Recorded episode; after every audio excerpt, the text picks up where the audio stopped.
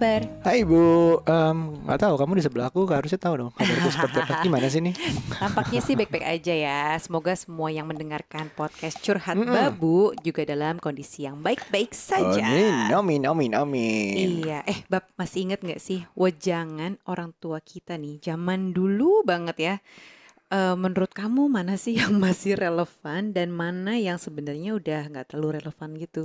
Emang ya zaman ya. Oke, kalau jangan kita ngomongin perbedaan apa ya dulu ya? Dulu dulu itu mungkin kalau aku inget-inget tuh ada banyak sih kayak hemat pangkal kaya lah atau Mm-mm. rajin pangkal pandai. Wah, nabung-nabung terus gitu ya. Terus udah gitu eh, s- jangan pernah ngutang. Kalau itu lumayan relate sih sama karena ibuku ibuku sering banget ngomong itu bahkan sampai sekarang dia jalanin perusahaan juga nggak pernah ngutang gitu.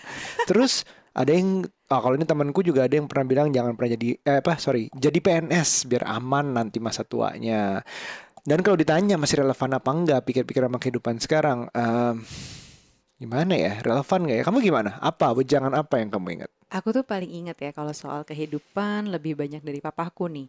Kayak Hmm. misalnya eh, pokoknya harus kerja keras. Wih. Karena kan ceritanya ya aku keluarga papaku kerja ya sebagai profesional gitu Oke. kan, bukan yang entrepreneur terus punya sesuatu yang diwariskan gitu Oh kan. iya baik. Jadi kayak harus berjuang sendiri gitu ceritanya. Terus papaku suka bilang juga, jadi perempuan jangan matre gitu. itu masih relevan nggak ya? Nah ini nih, ini sebenarnya masih relevan apa enggak aku juga nggak tahu gitu karena banyak sekali rasanya nih antitesis terhadap eh, apa wejangan yang itu bagian itu Iya, tuh gitu iya. kan. Jadi Terus kalau apa? Ah, ah, terus jadi aku juga nggak tahu nih kalau menurut teman-teman semua yang dengerin di sini masih inget nggak sih wejangan orang tua kalian zaman dulu gitu ya waktu masih kecil, waktu masih remaja, ABG gitu. Apa sih yang masih terngiang-ngiang sampai sekarang? Terus bahkan misalnya nih sampai masuk eh, ke pengasuhan anak-anaknya misalnya gitu. Iya, soalnya secara tidak sadar mungkin bisa nurun ya. Sekarang masih jadi kita bilangin anak kita. Jadi kalau kita bayangin sama orang tua kita yang dulu itu ngasih suatu wejangan, mungkin bukan makanya kita pakai kata relevan karena bagi mereka mungkin itu yang terbaik gitu. Di yang masa paling berlaku di tersebut. masa tersebut dan paling works. Mungkin memang works dan banyak yang bilang juga menjadikan dirinya apa yang dia jadikan sekarang gitu loh. Dia jadi Mm-mm. gue begini karena orang tua gue begitu gitu. Dan kita mengerti juga kenapa berkian demikian. Nggak kita nggak ngomong itu salah gitu. Tapi waktu, waktu kan berubah sampai saat ini. eh wejangan tuh ada yang nggak lagi bukan salah relevan, udah nggak lagi relevan karena semua berubah, dunia berubah, kitanya juga berubah. Iya, bukan berarti nggak ada sama sekali yang relevan dengan kondisi sekarang gitu ya. Mm-mm. Sebenarnya pasti ada, cuman karena ilmunya berubah, situasinya berubah. Bahkan mungkin nih kayak misalnya hal-hal parenting aja ya kalau aku Hmm. perhatikan eh, apa namanya hal-hal yang sifatnya medis buat anak-anak. Zaman Oh, dulu ya. misalnya eh, nggak boleh bayi di gini-gini gini. Begitu Eh, sekarang misalnya bedong, ah. ada Nah, terus kalau sekarang nih ada yang relevan dan ada yang enggak juga. Karena Iya. ternyata ya itulah tadi apa ilmunya berbeda, kondisinya juga berbeda. Nah, Mm-mm. kalau bicara nih misalnya soal gimana sih cara orang tua mewariskan value-value-nya ke kita, Iya. terutama misalnya soal relationship sama uang, Mm-mm. Aku selalu ingat juga sama podcastnya 30 Days of Lunch. Oh terima di mana- kasih. Ternyata kamu ya podcasternya Iya, ya? nggak jauh-jauh. Iya dan di situ tuh kan ada pembahasan nih soal gimana sebenarnya perspektif kita eh, apa soal uang saat ini karena ternyata berasal dari bagaimana orang tua kita dulu memandang uang Iya, kayak betul. mencari uangnya gimana, gimana mereka kerja, gimana mereka menghabiskan uangnya, gimana mereka mengatur uangnya ketika itu yang kita Iya, kan masih betul. kecil banget tuh. Ah, ah, ah. Paling yang kita tahu apa sih oh orang tua kita kerja misalnya eh, kalau di aku nih bapak ibuku bapakku yang bekerja dari Mm-mm. dari bisa berapa hari karena kebetulan papaku eh, pilot gitu kan jadi bisa berhari-hari itu nggak pulang namanya kerja oh gitu ya yang namanya yang namanya kerja tuh gitu Oh kerja tuh harus nginep di luar gitu ya nggak balik Mm-mm. lama ya ya ya ya. Tapi Jadi, memang benar mm-mm. kalau kalau kita reflect ke podcast gue yang uh, 3 Days of Lunch yang kita waktu itu ngobrol dengan Coach Yuza. Mm-mm. Coach Yuza itu dari Sanggar Jiwa Bertumbuh ya. Mm-mm. Dia bilang cerita tentang money relationship. Money kompleks itu terbentuk sejak di kandungan, bayangin. Jadi udah ada unconsciousnya dari orang tua, terutama dari ibu di saat mulai ada di kandungan hingga berumur 4 tahun. Nah, itu Hmm. pengaruh ibu dan apa pun yang ibu punya money kompleks itu unconsciously akan tertransfer ke anak. Ke kita. Ya. Nah, in 4 sampai 13 tahun itu pengaruh bapaknya yang unconsciously akan masuk. Ya kayak contohnya bapakmu yang berhari-hari bekerja, nah itu akan masuk. Ingat terus kamu pas sampai Mm-mm. sekarang dan menganggap itu udah normal bahwa cari kerja tuh begitu gitu. Dan juga ada peran pengasuh, bisa Mm. macam-macam orang ketiga lah, pengasuh, kakek, nenek, tante, om yang tinggal yang ikut membesarkan kita waktu kecil. Dan itu terus turun menurun, like it or not, it's gonna be unconsciously transferred to our next generation gitu. Iya sih, makanya kenapa Gitu. eh, terutama ya ini buat para mungkin ibu-ibu yang lagi hamil gitu, ketika kita lagi emosi akan sesuatu hal, Mm-mm. entah emosi itu macam-macam kan, bisa marah, bisa sedih, bisa senang banget, itu Mm-mm. ngaruh ke bayinya. Benar. Nah, ketika mungkin kita secara nggak sadar lagi emosi, aduh cemas nih, eh, misalnya nih punya masalah finansial untuk melahirkan, aduh Ah. nanti gimana nih proses melahirkannya dan lain-lain gitu ya. Ah. Kecemasan itu tuh sebenarnya masuk ke ke, ke janin gitu Iya, ya ke betul, anak, sehingga betul. si anak juga mungkin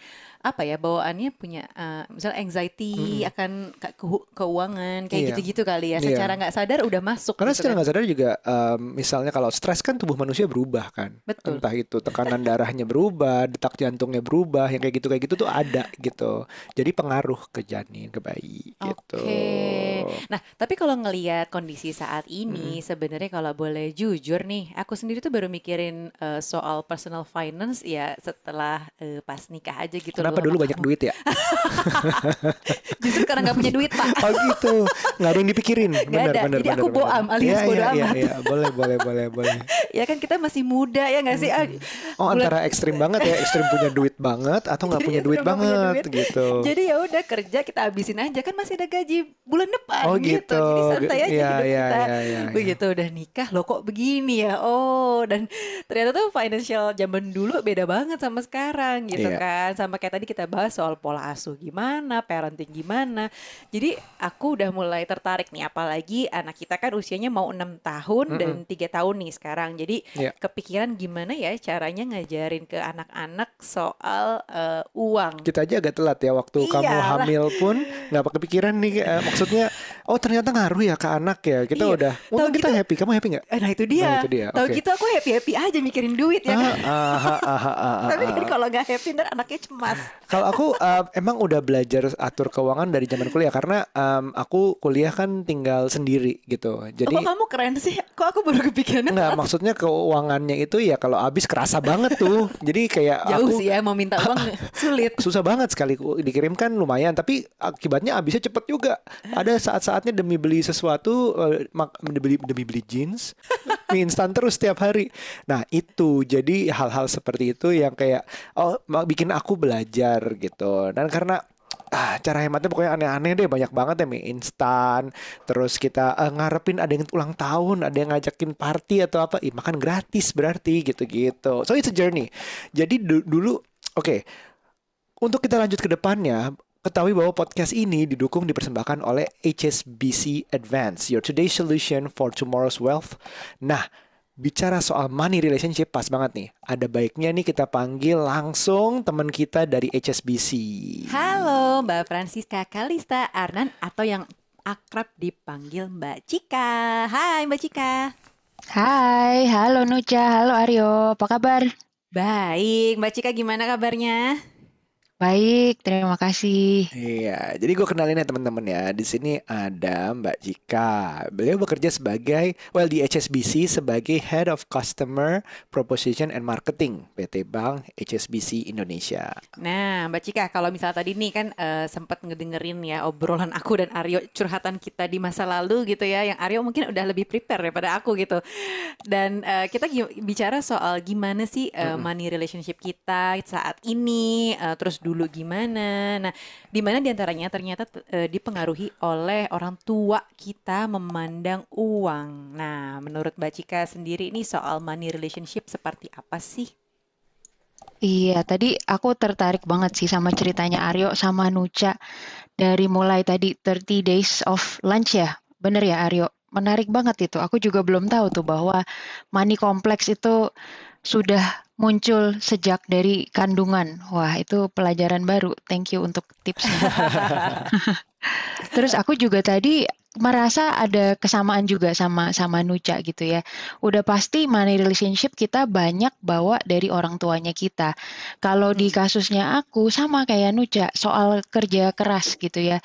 Aku juga ngeliat bapakku kerja keras banget gitu ya. Jadi dari dulu dari kecil aku selalu melihat bahwa kan bapakku pasti kerja meeting sampai malam, keluar kota, pulang-pulang udah jam berapa gitu ya. Capek, tapi ada satu kebiasaan khusus nih. Mamaku selalu membiasakan jam berapapun bapakku pulang, kita berkumpul gitu ya. At least Oke. menemui gitu ya untuk bilang, you know, how's your day gitu ya. Thank you for the hard work Ah. today. Nah, itu kebawa sih sampai sekarang. Satu, aku sering ngeliat bahwa ya kerja keras itu ternyata emang mutlak ya. Karena aku udah lihat contoh sendiri dari bapakku. Dan poin kedua Hmm. itu kebersamaan gitu ya. Capek, cari uang itu susah, tapi yang paling penting ya kita tetap bisa ini apa namanya menjamin kebersamaan lah, menjaga kebersamaan sekeluarga gitu. Karena kerja itu juga cari uang ya pastinya untuk keluarga. Itu sih yang Hmm. aku banyak lihat dari contoh keluarga ya. Menurut Mbak. Cika masih relevan ya karena sekarang kan juga ada argumentasi semacam uh, kerja keras apa kerja pintar. Ayo work hard or work smart. Ayo yang mana Mbak? Nah, betul. Ini mungkin teman-temanku yang dengerin nih, teman-teman di HSBC terutama bakal bilang ya si Cika old school gitu ya. Ini tim old school nih. Kalau aku dua-duanya, work smart and work hard gitu ya. Work smart meaning kita udah lebih lebih tahu sekarang ya, udah udah lebih banyak kemudahan juga beda sama zaman dulu gitu. Tapi masalah work hardnya buat aku lebih ke arah jangan give up, nggak boleh give up gitu. Itu yang kadang aku suka lihat, terutama yang teman-teman yang masih muda banget gitu ya. Kadang-kadang mungkin lebih gampang patah gitu ya, ada sesuatu yang terjadi, terus jadi, waduh gimana nih ya gitu ya, terus Hmm. sedikit putus asa. Nah itu yang menurutku jangan hantam gitu, hantam terus. Kita harus kerja keras itu tetap harus ada, tapi dengan cara yang smart pastinya ya. Iya, kombinasi ya dua-duanya ya. Nah, kalau kalau misalnya uh, relationship dengan uang tadi, ini kan banyak nih ada yang namanya FOMO economy, fear of missing out. Waduh, takut takut ketinggalan. Mm-mm. Jadi Mbak eh, Mbak sendiri tim FOMO apa tim mikir-mikir dulu nih? Nah, pertanyaan yang sangat bagus. Mm-mm. Aku mungkin kalau ditanya seperti itu, aku balik ke pengalaman sendiri juga gitu ya. Mm-mm. Se- semua yang berkaitan dengan financial uh, management itu untuk diri sendiri pasti banyak berangkat dari pengalaman pribadi. Nah, aku pun ada pengalaman pribadi di mana dulu di usia yang cukup muda sempat terjadi suatu hal yang kurang enak gitu ya, di mana di dalam keluarga itu bisa dibilang jatuh gitu, jatuh banget secara finansial juga uh, kesulitan gitu, di mana pada saat itu aku di usia yang cukup muda ya aku nggak bisa bilang dipaksa lah ya keadaan Oke. memaksa aku untuk kemudian step up gitu step up usia masih muda tapi harus bisa cover the family financially nah Oke. itu memberikan satu pengalaman yang sangat kuat gitu ya buat aku melewati masa-masa itu tuh buat aku sangat penting.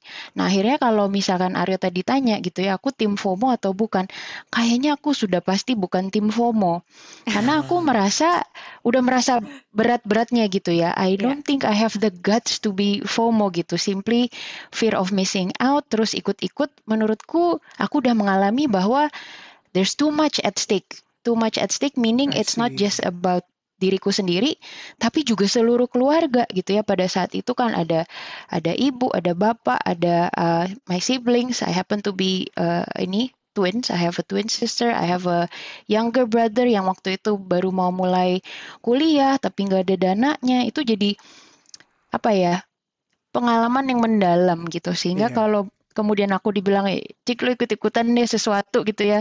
Em, kemudian simply FOMO aja. Kayaknya aku nggak berani sih.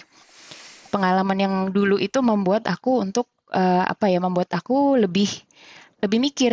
Jauh lebih mikir Oh, tujuan finansial apa apa yang Oke. sekarang bisa kita manage versus yang enggak. Jadi lebih hati-hati lah gitu Aryo Bener, eh, soalnya emang emang kita dibangun dari eh, masa lalu kita. Jadi tadi kan seperti kita bahas dari orang tua, terus apa pun yang terjadi selama kita bertumbuh, apalagi kalau kecil tuh dari janin sampai umur 4 dan 4 sampai 13 tuh unconsciously masuknya.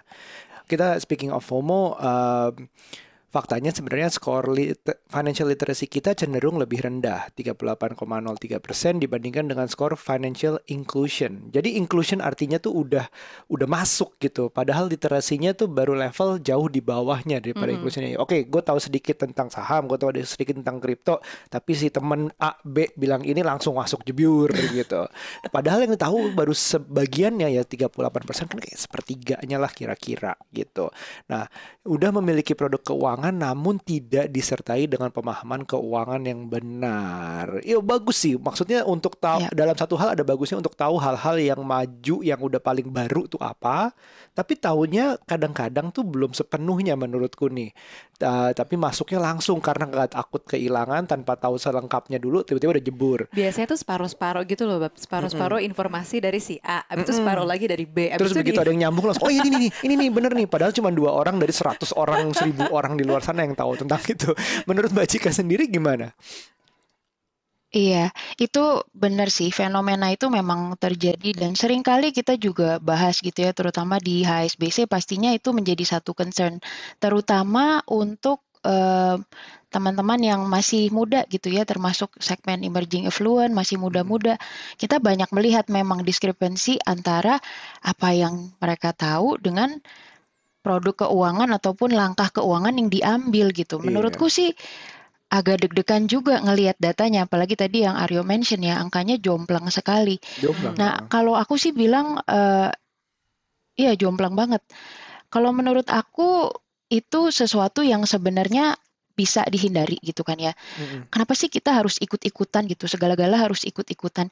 Kalau kita lihat di zaman sekarang gitu, sebenarnya informasi mengenai keuangan, informasi untuk bisa belajar lebih baik tentang financial planning, wah sekarang kan jauh lebih apa ya widely available gitu ya dibandingkan True. dengan zaman dulu gitu. Kadang-kadang hmm. aku mikir kalau yang simply FOMO itu kenapa? Apakah karena males cari informasi atau udah ambil gampangnya hmm. aja atau gimana? Karena menurutku contoh gampang deh podcast ini gitu kan. It's very easy to listen to this gitu kan ya.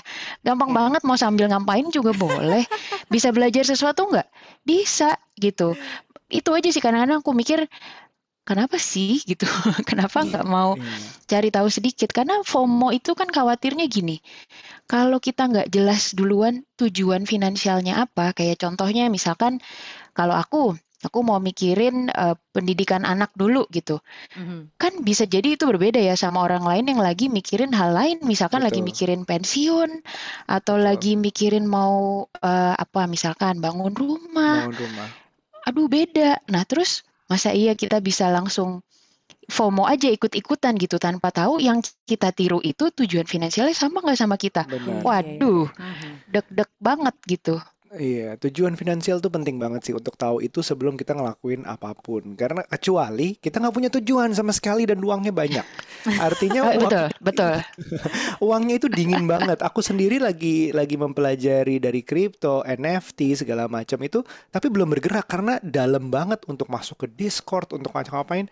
Aduh, takut banget nih mau ngapa-ngapain karena aku punya tujuan investasi tadi gitu. Iya, bener banget sih. Dan ini mungkin buat teman-teman yang lagi dengerin saat ini gitu ya ya atau juga sambil uh, apa namanya terbuka di sosial media dan sambil juga mengikuti perkembangan berita yang ada. Memang benar kata Mbak Cika tadi, tujuan finansial kita tuh beda-beda. Mm-hmm. Jadi jangan sampai uh, kita ke bawah kita kita tuh uh, kita sama loh. Iya, kita sama kita ya. sama gak sih? Oke, okay, sama ya. Semoga kita tuh nggak terbawa arus uh, apa yang lagi rame sekarang yeah. dan mixed up sama uh, tujuan finansial kita. Karena tadi benar tuh Mbak Cika bilang kalau kita tujuannya sekali sekarang nih kita kan punya anak-anak masih kecil kecil ya Mbak Cika ya. Mm -hmm. Mungkin kita punya satu sisi lagi mapanin soal uh, apa namanya uh, dana pendidikan yeah. gitu. Terus tiba-tiba ada satu produk yang sebenarnya mungkin bukan sesuai tujuan uh, ke finansial kita buat dana pendidikan kan mm -hmm. tapi jadinya mixed up gitu loh begitu hasilnya nggak sesuai dengan harapan atau tiba-tiba ke mana gitu kan ah itu tuh udah yeah. apa ya kasihan banget gitu jadinya hanya hanya karena supaya nggak ketinggalan tapi dia jadi mengorbankan si tujuan finansial Dan yang kena itu. bukan kita doang, bisa jadi anak-anak segala macam yang jadi tanggungan kita gitu. Iya, nah Mbak Cika, jadi upaya apa sih yang mm, perlu nih kita lakukan supaya nggak terjebak dalam eh, FOMO ekonomi yang ada sekarang? Dan kira-kira gimana sih caranya supaya financial literacy kita nih di kalangan kita yang masih muda-muda, ceritanya sekarang muda ya, itu tuh bisa meningkat terus gitu Mbak Cika? Iya, aku sih nomor satu udah pasti tadi kita udah bahas eh, soal tujuan finansial. Tujuan finansial itu harus clear dulu. Apa pun itu jangan khawatir, nggak harus sama sama orang lain. Tapi kita mikirin dulu nih tujuan finansial kita sekarang apa.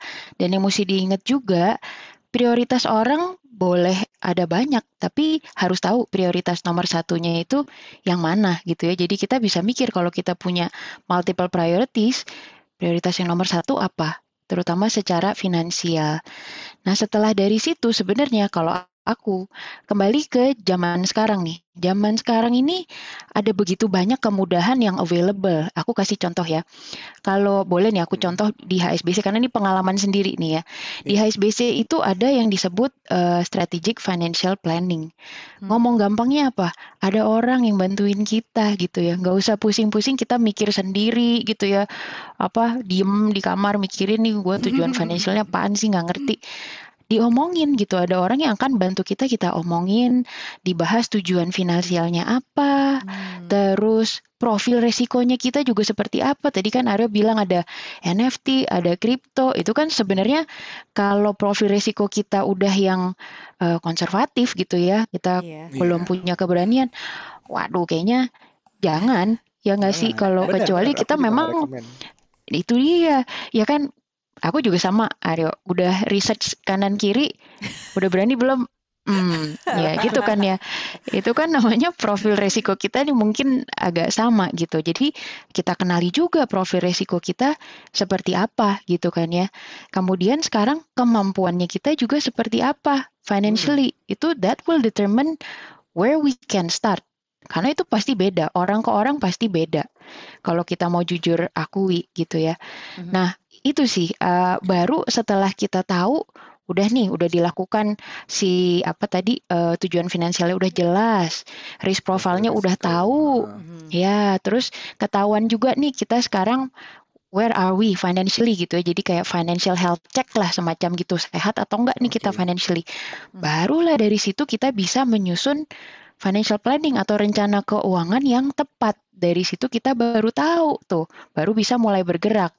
Nah, Hmm. contohnya kalau tadi aku bilang mau ambil gampangnya, sebenarnya kalau seperti contoh aku di HSBC, ya bisa ada yang bantuin, ada seseorang yang akan bantu menuntun financial journey kita going forward. Nggak Hmm. perlu kita lakukan sendiri kalau memang kita merasa kita kurang berpengalaman gitu ya.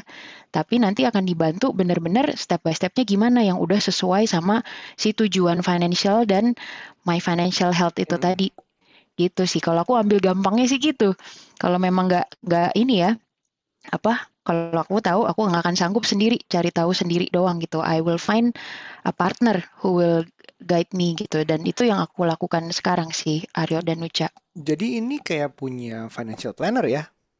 sebenarnya sebenarnya yes Hmm. Oke oke Dan- oke. mungkin uniknya juga kalau kita punya teman atau partner yang nge-guide ini nasihat atau tuntunan yang diberikan ke kita ya akan berbeda dibandingkan dengan yang diberikan ke orang lain.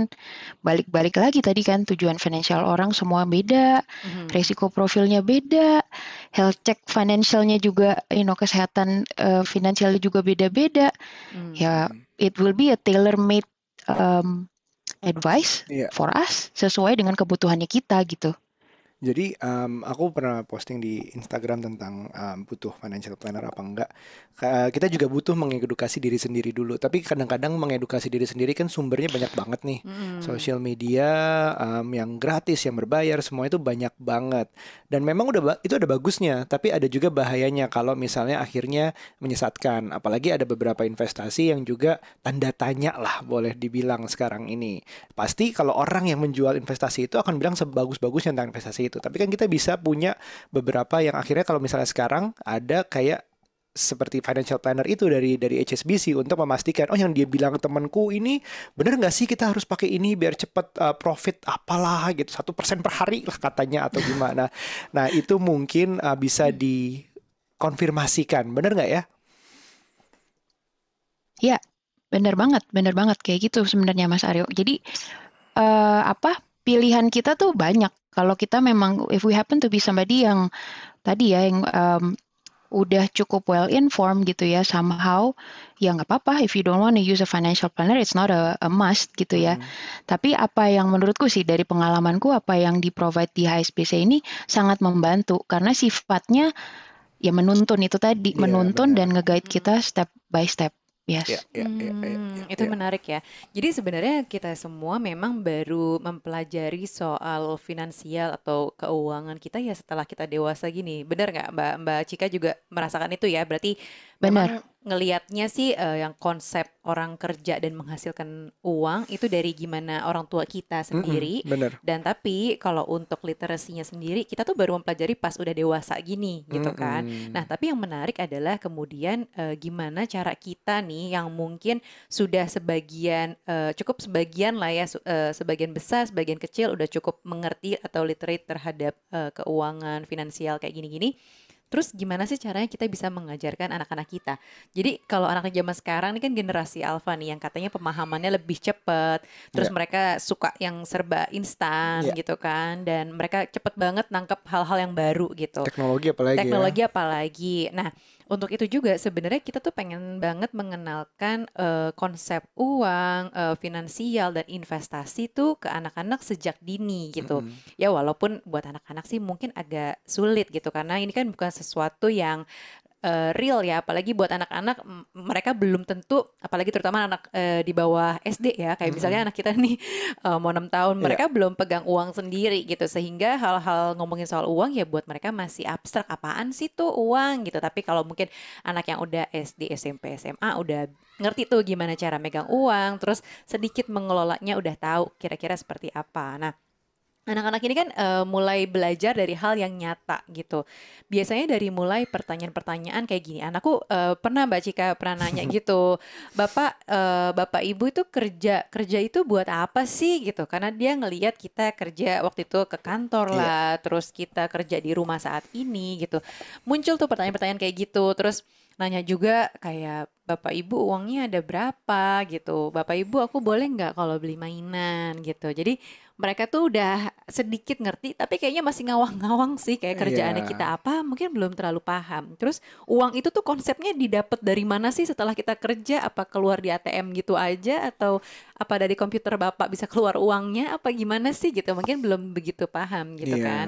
Nah, Terus kalau uh, jadi dari dari situ waktu itu yang yang pertanyaan paling lucu ya itu sih ya apa uh, bapak ibu duitnya banyak nggak sih kita mau jawab tuh uh, mau jawab jujur tapi kok nanti dimintain mainan semuanya mau jawab bohong tapi kok nggak baik bohong akhirnya kita bilang cukup pun dia masih agak belum puas waktu itu pokoknya iya. gitu. Terus jadi jawab apa ya waktu itu ya? Ya kita kita bekerja kita akhirnya kita jelasin kalau masalah bekerja kita kita ngajakin dia actually kerja gitu ke kita mm -hmm. ikut ikut aku syuting ikut aku ke meeting kadang-kadang gitu. Itu juga untuk nunjukin. Bekerja itu untuk beli susu beli makanan buat bayar sekolah kamu buat beli mainan. Nah itu dia jelas tuh ada ada fisiknya. Kalau bayar sekolah mungkin belum belum belum terlalu ya, kebayang ya, ya gitu kan. Nah terus ini perlu disesuaikan juga kayaknya sebenarnya sama tahapan usia anak-anak kita nih. Mm -hmm. kalau mungkin nih anak kita yang lima tahunan mau enam tahun ini kan baru dikenalin soal konsep uh, three jars katanya ya. Ini banyak deh teman-teman kalau misalnya mau belajar juga uh, mm-hmm. buat anak-anaknya ada konsep three jars di mana ada tiga toples gitu ya.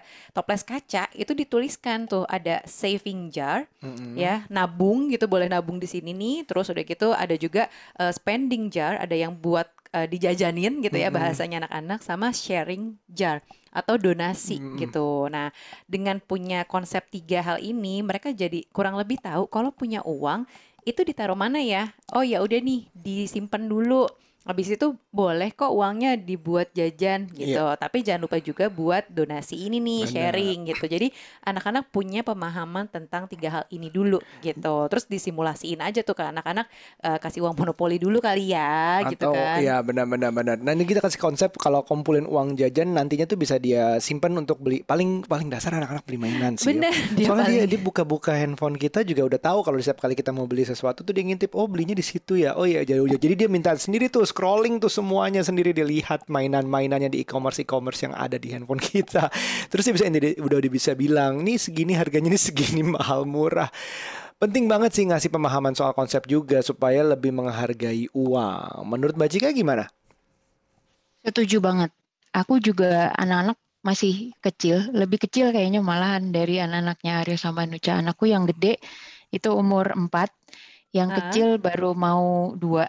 Oke. Jadi Oh. masih kecil-kecil banget. Jadi Ah. pemahaman dasarnya ya memang masih simple-simple banget gitu ya. Mungkin yang aku suka mikir tuh kadang-kadang kalau terutama setelah punya anak, memang a lot of things happen setelah punya anak ya. Lebih lebih mikir banget lah.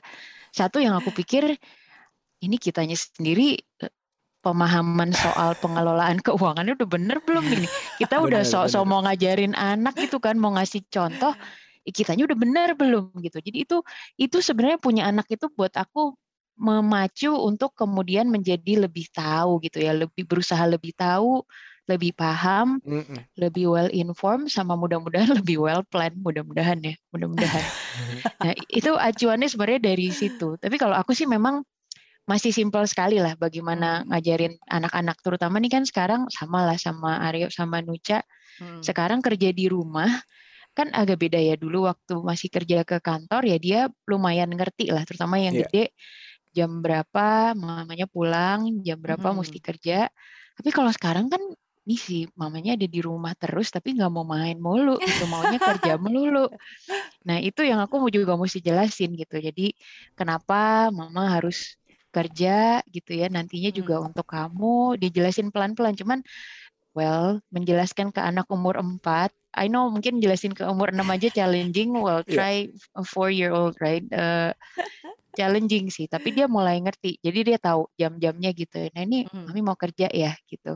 Iya oke nanti kalau udah punya uang kita bisa beli mainan ya? Iya gitu.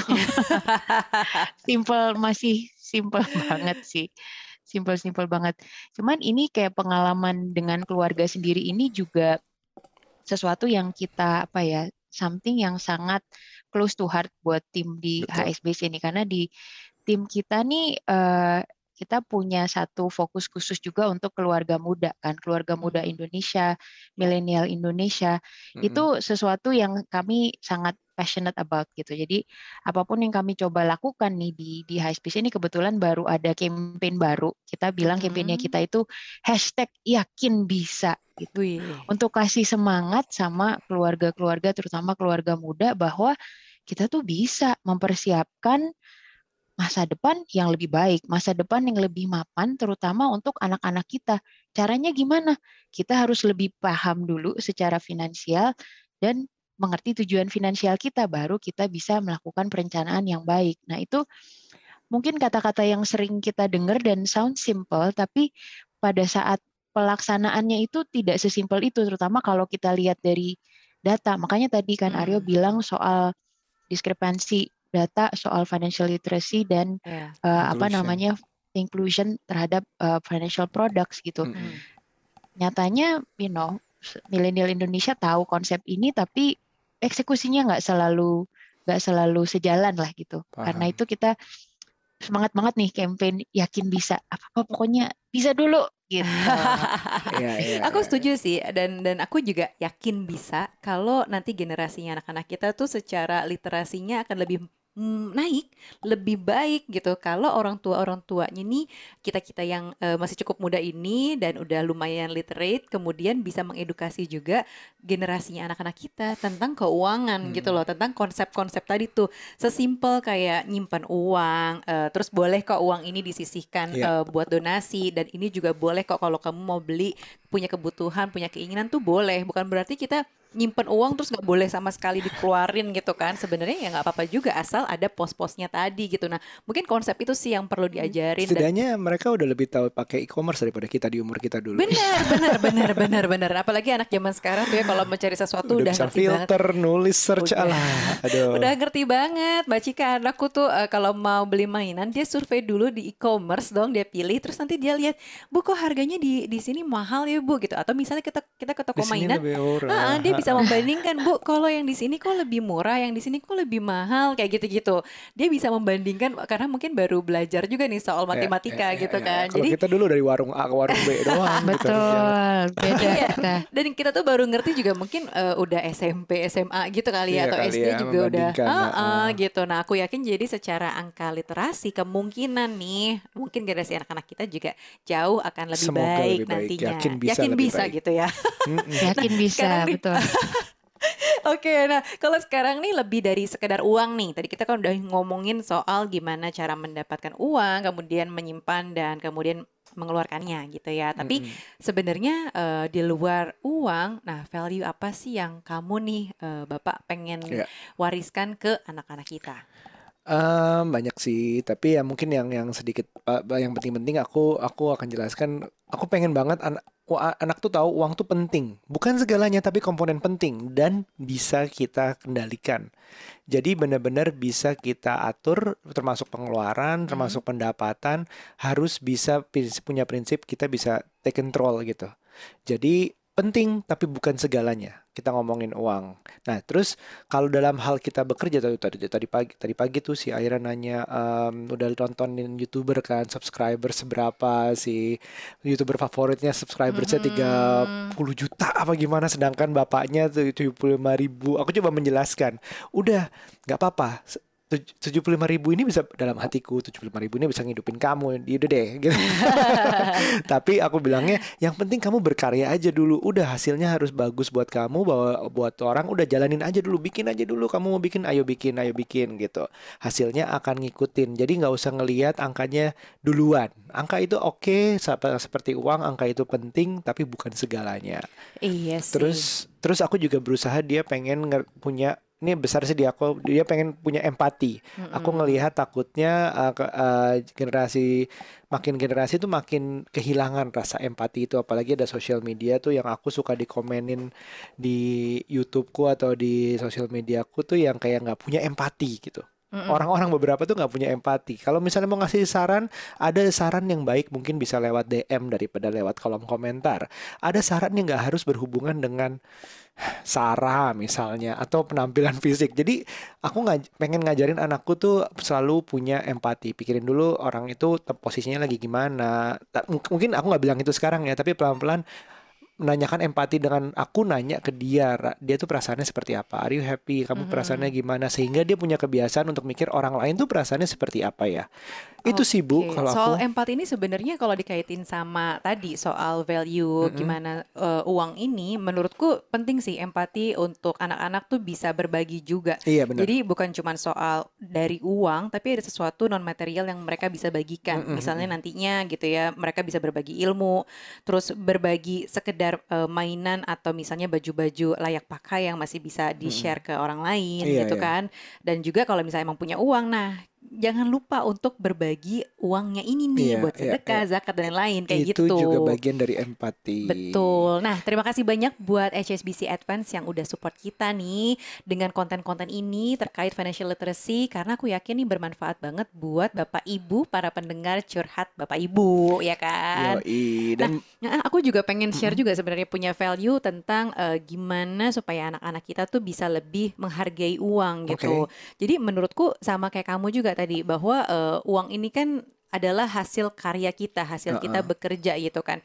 Nah, eh, tapi bahwa uang itu perlu sesuatu yang diusahakan gitu. Oke. Nah, baru kasih penjelasan pekerjaan kita tuh gimana sih dan eh, apa bagaimana kita bekerja sampai gimana flow uangnya tuh kita dapat. Tapi mungkin ini tadi tuh berdasarkan eh, umur gitu, tahapan usia anak-anak kita. Terus kayak jangan lupa juga nih zaman sekarang kan kita banyak banget hustle hustle hustle Iya. gitu kan ya. Seolah-olah hidup itu harus berjalan cepat padahal sebenarnya perlu banget untuk punya rasa bersyukur gitu ya. Rasa cukup tuh juga perlu gitu dalam hal uang gitu sehingga mereka menerima uang tuh dengan sukacita. Kamu ingat kan yang eh, di bukunya Ken Ken, Honda, Honda, soal Money. ya happy money. Ya. Kadang-kadang kita terlalu hustle cepat menghasilkan uang tapi kita nggak menikmati si Iya. uang itu gitu. Padahal kan boleh loh kita menikmati uang Iya, itu. mungkin itu gitu. Sebagai unhappy money kalau katanya Ken Honda. Betul. Nah, untuk merasa cukup, untuk merasa bersyukur itu yang perlu diajarkan juga ke anak-anak kita. Nah, Mm-mm. sebenarnya eh, kita perlu juga bab kasih konsep-konsep ke anak-anak nih soal happy money itu tuh uang memang dicari gitu ya sesuai dengan pekerjaan, Mm-mm. dengan hati yang gembira itu. Jadi kalau misalnya katanya kan tadi unhappy itu ya kalau didapatnya udah nggak happy, terus kita pas terima juga akhirnya keluarnya gampang banget untuk sesuatu yang kita nggak suka. Wah itu tuh Benar. kayak udah lewat aja katanya flow energinya nggak baik kalau kata Benar. Ken Honda Iya, iya, iya, iya, iya. gitu. Nah, untuk jadi uh, thank you-nya value-nya ya, aku juga baru tahu nggak deh, aku udah tahu kamu. Oke, uh, jadi uh, buat teman-teman yang pengen tahu lebih lanjut Mhm. tentang HSBC Advance, langsung aja hubungi 1500808 atau bisa klik website di www.hsbc.co.id/advance dan yakin bisa deh siapkan masa depan lebih mapan dari sekarang buat anak-anak kita. Nah, benar banget. Dan ke depannya nih, kita bakal ada series lain dengan topik yang lebih menarik lagi. Pastinya ya persembahan Curhat Babu dan juga HSBC Advance.